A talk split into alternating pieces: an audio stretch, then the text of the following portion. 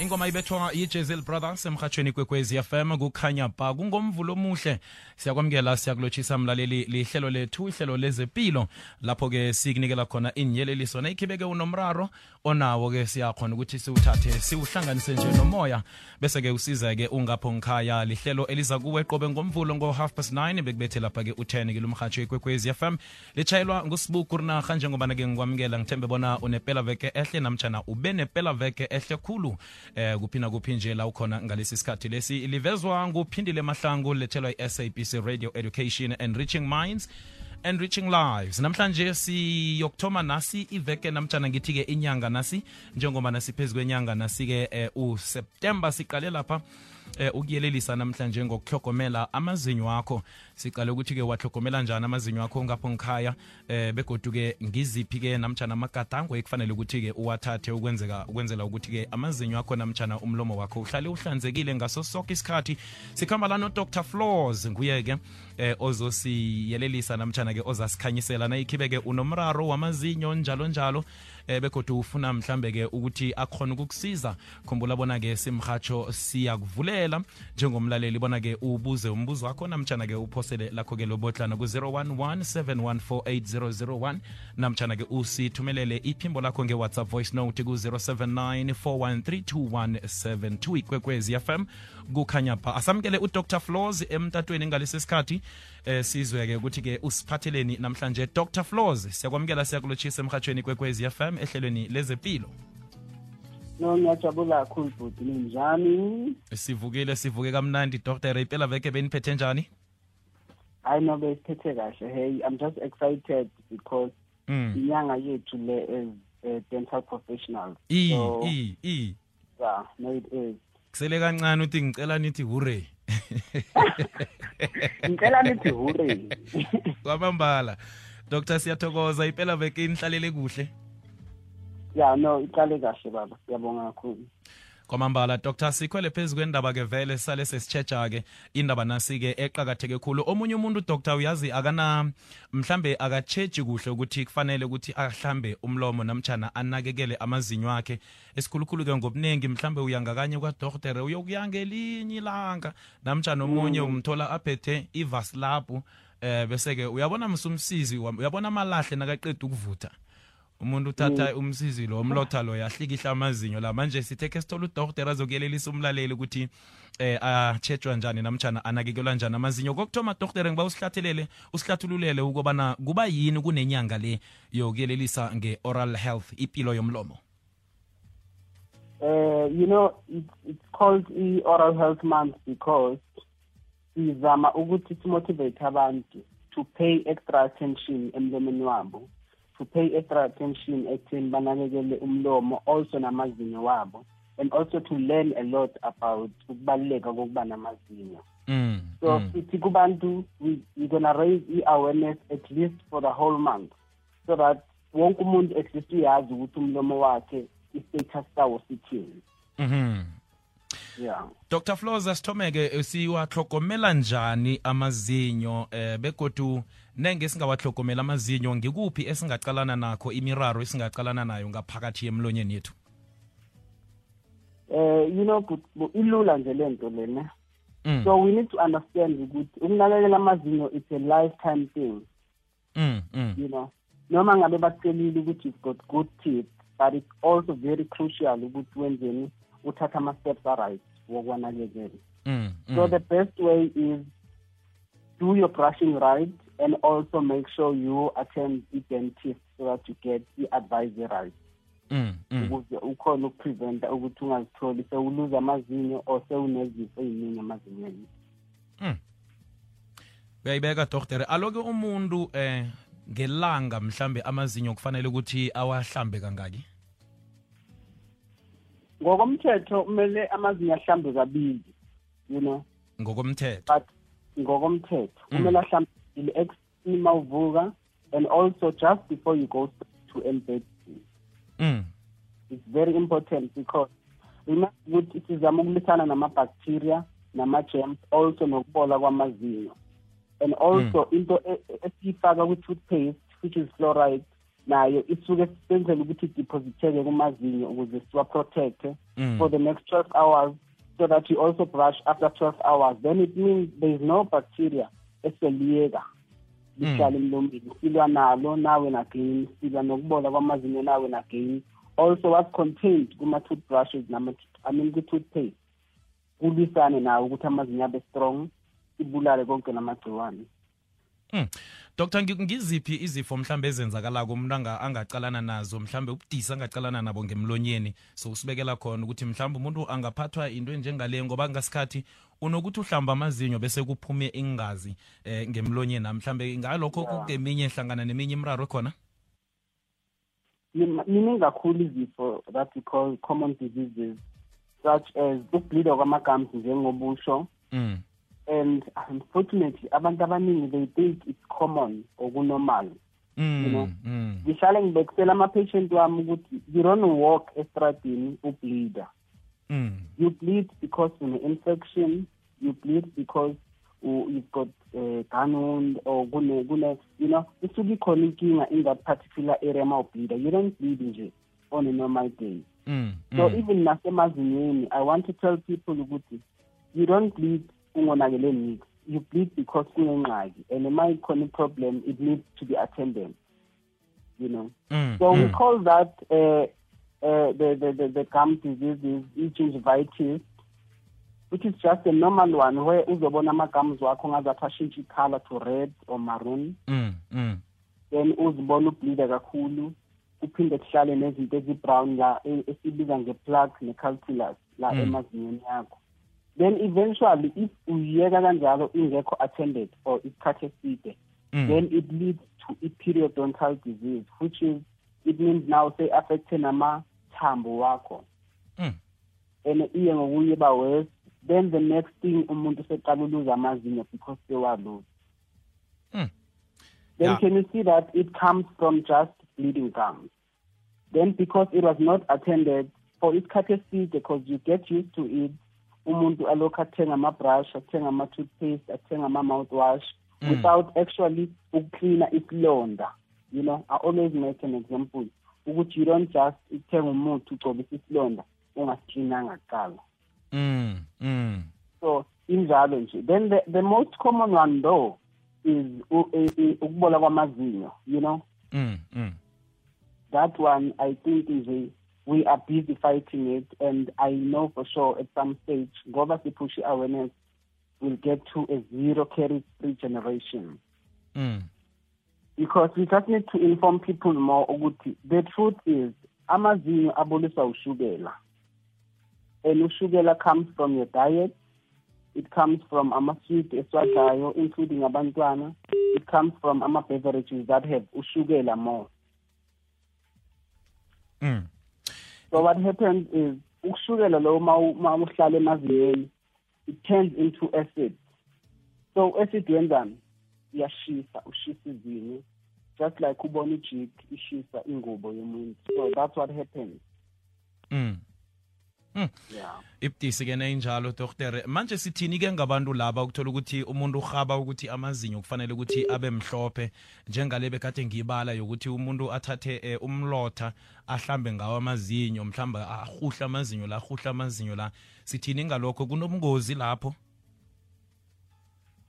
Eh uyazi ukuthi there are people abasebenzisa the charcoal um toothbrushes nama-charcoal toothpaste. Mm. abantu use a lot of products and it works for them however i always say at least consult with udokotela wakho so that azokutshela ukuthi i-texture yamazinyo yakho iyaqualifya yini to do that number one or you are just causing i-damage because remember izinyo line-nerve nemithambo ngaphakathi ekumele sinakekele nje kahle without actually causing i-damage Mm.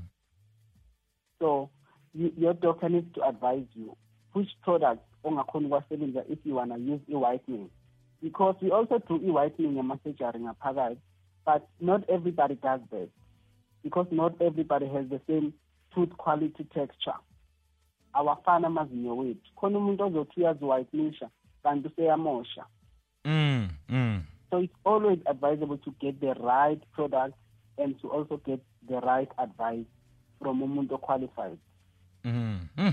Uyibekile Dr. ngibona ungivumele sivulele umlaleli wekwekwezi FM ngiyabona baningi abalaleli abanembuzo eh, abaqalene ne ake ngithi abacalene nemiraro yamazinyo njalo njalo ngiba ubona ke ungivumele sikhambe nomlaleli Dr. Floors. yabo bangayi no let's asizwe bathini.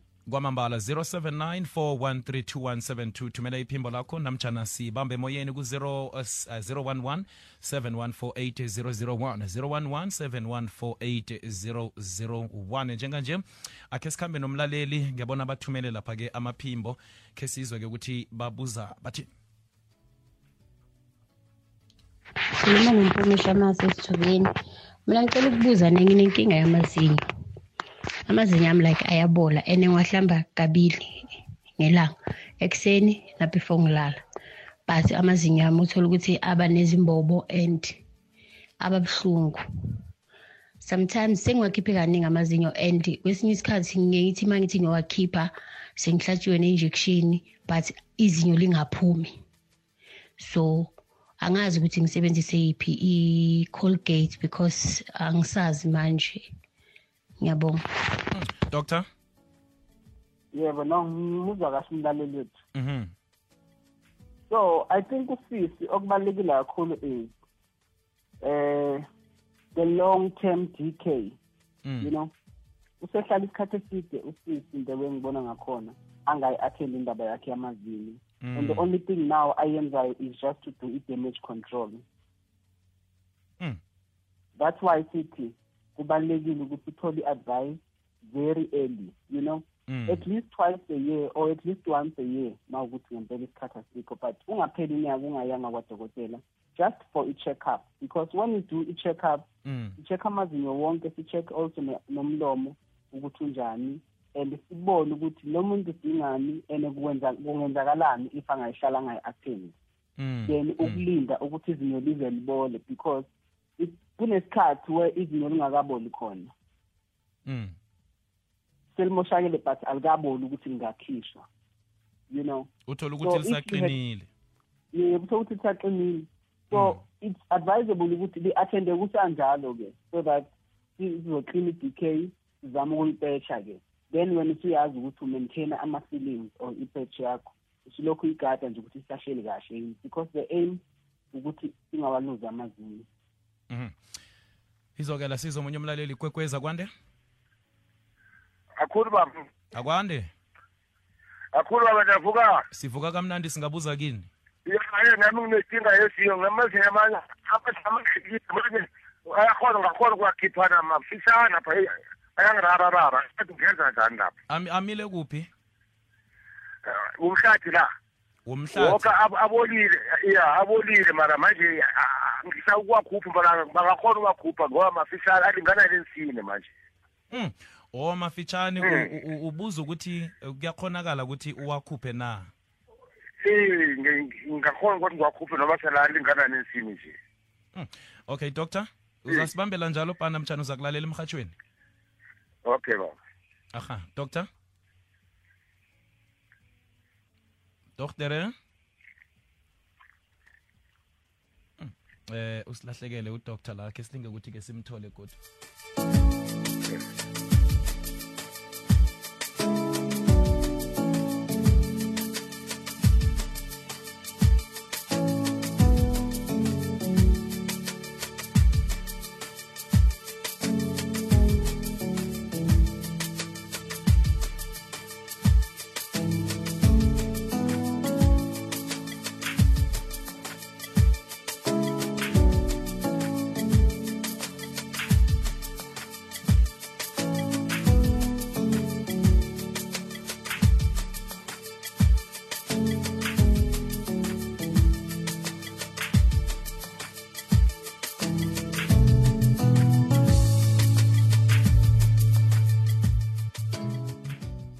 asihlabele phambili sibuye naye udr. Floors sinaye ngalesi sikhathi emoyeni. Dr umlaleli uyabuza la uthi umile amazinyo amancane ensini napha. Uthi se akusekalingana nensini. Manje ubuza ukuthi kufanele awakhuphe namtshana eh kuyakhonakala ukuthi awakhuphe na? Ngoba-ke okusho ukuthi eh mazinyo azimilele kwazimilele emaqadi kulamakhulu la ngemhlathini.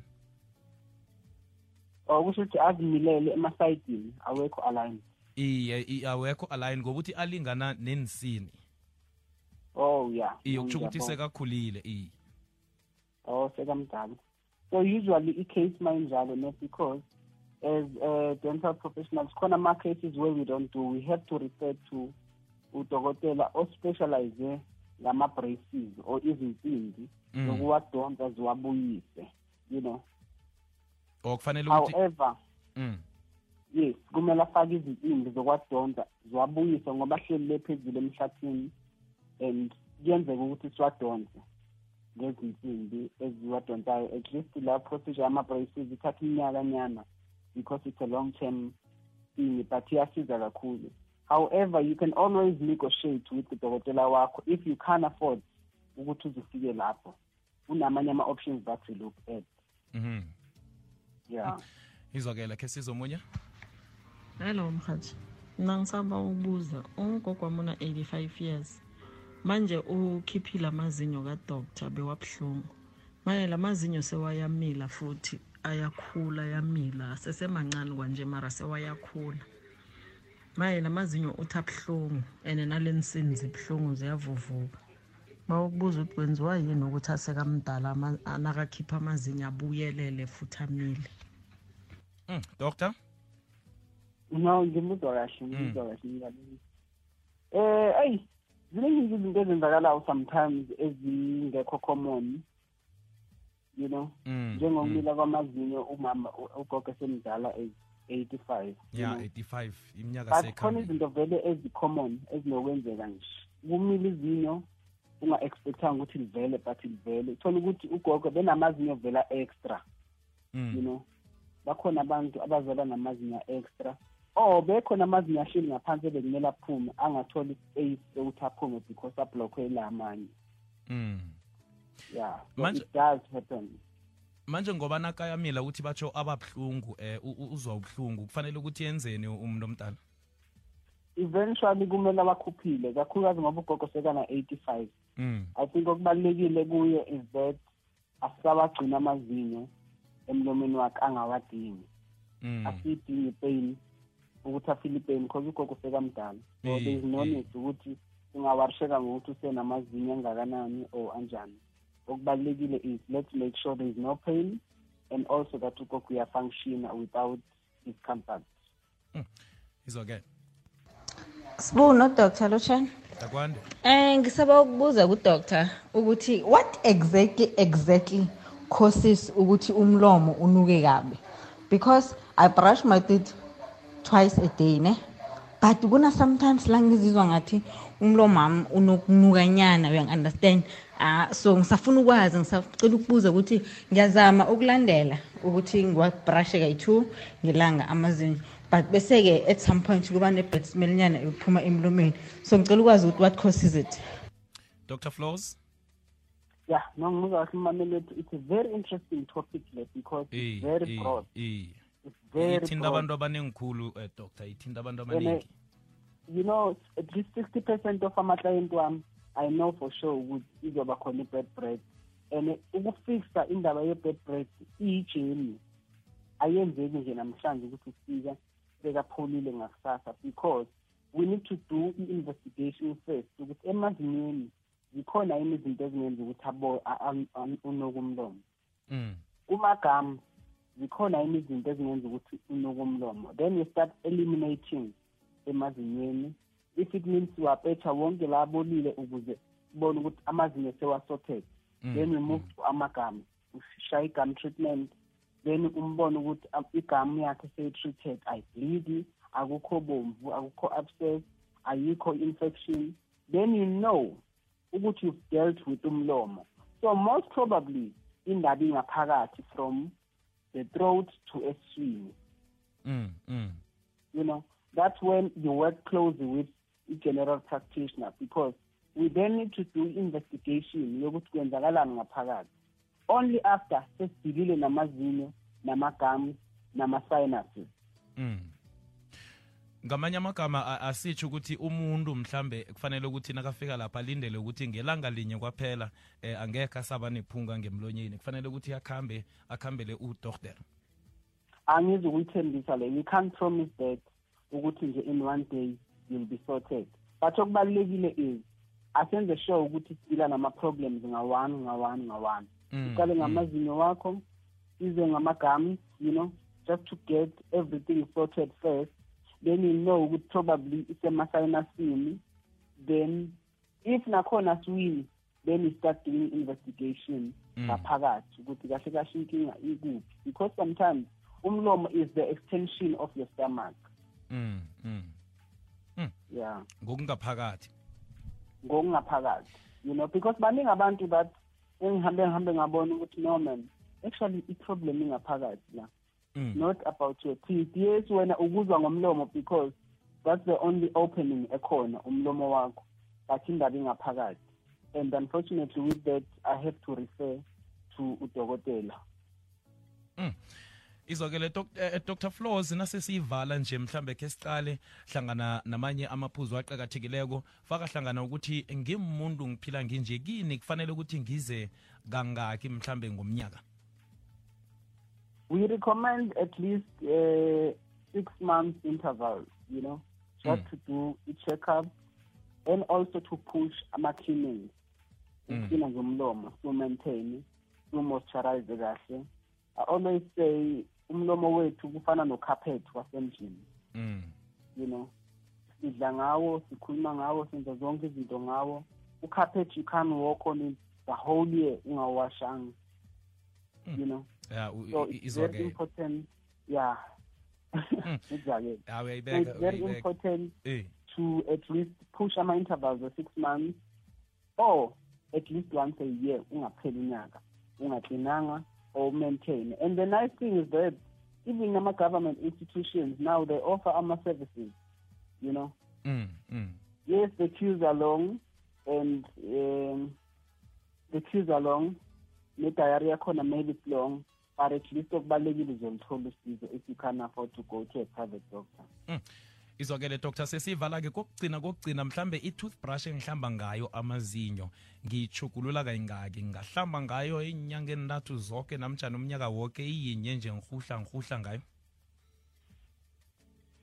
Uh, we need to change the toothbrush yethu at least three times to four times a year, mm. which means three to four months you need to have a new toothbrush Mm.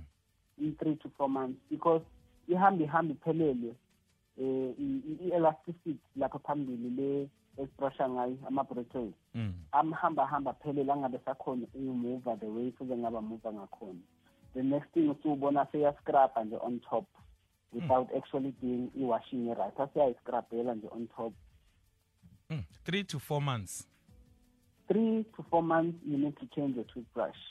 Kwamambala dr umlaleli okuhlogako sesiyivala ngalesi sikhathi angakuthola kuphi? Uh in all social networks ngiku at dr floss kuwo wonke ama-social network. And ngiyaresponda ke shona and I try to communicate. Yeah, I do.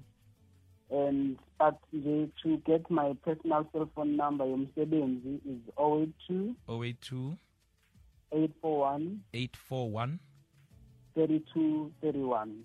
3231 doctor dr It's 082 082 841 841 3231. 3231 dr flows sithokozile ukusikhanyisela emhatshweni kwekwezi fm ukhanyisele nomlaleli No, hayi siyabonga kakhulu baba. Nje just sengiphuma ne. eh eh Bengicela nje ukukhumbuza abantu ukuthi they need to brush before bed. mm. Balekile kakhulu. Never neglect your tongue. mm. And always try and floss. Noma ngabe kubusungu kanjani ukuflosa but try and get the floss in between your teeth ukuze izokhipha ukungcola nokudla okungcolile. Kwamambala. Dr floss sithokozile isikhathi sakho ube nemini emnandi. Siyathokoza baba kwamambala sithokozile nakuwe mlaleli wekwekwezi fm lihlelo lezempilo ulethelwa i-sabc radio education and reaching minds and reaching lives. Ngingusibuku rinarha livezwa nguphindile mahlango siya endabeni zephasi ngemva kwendaba zephasi uyaraga uzuzu siyazuza ke lo mhatsho ikwekwezi fm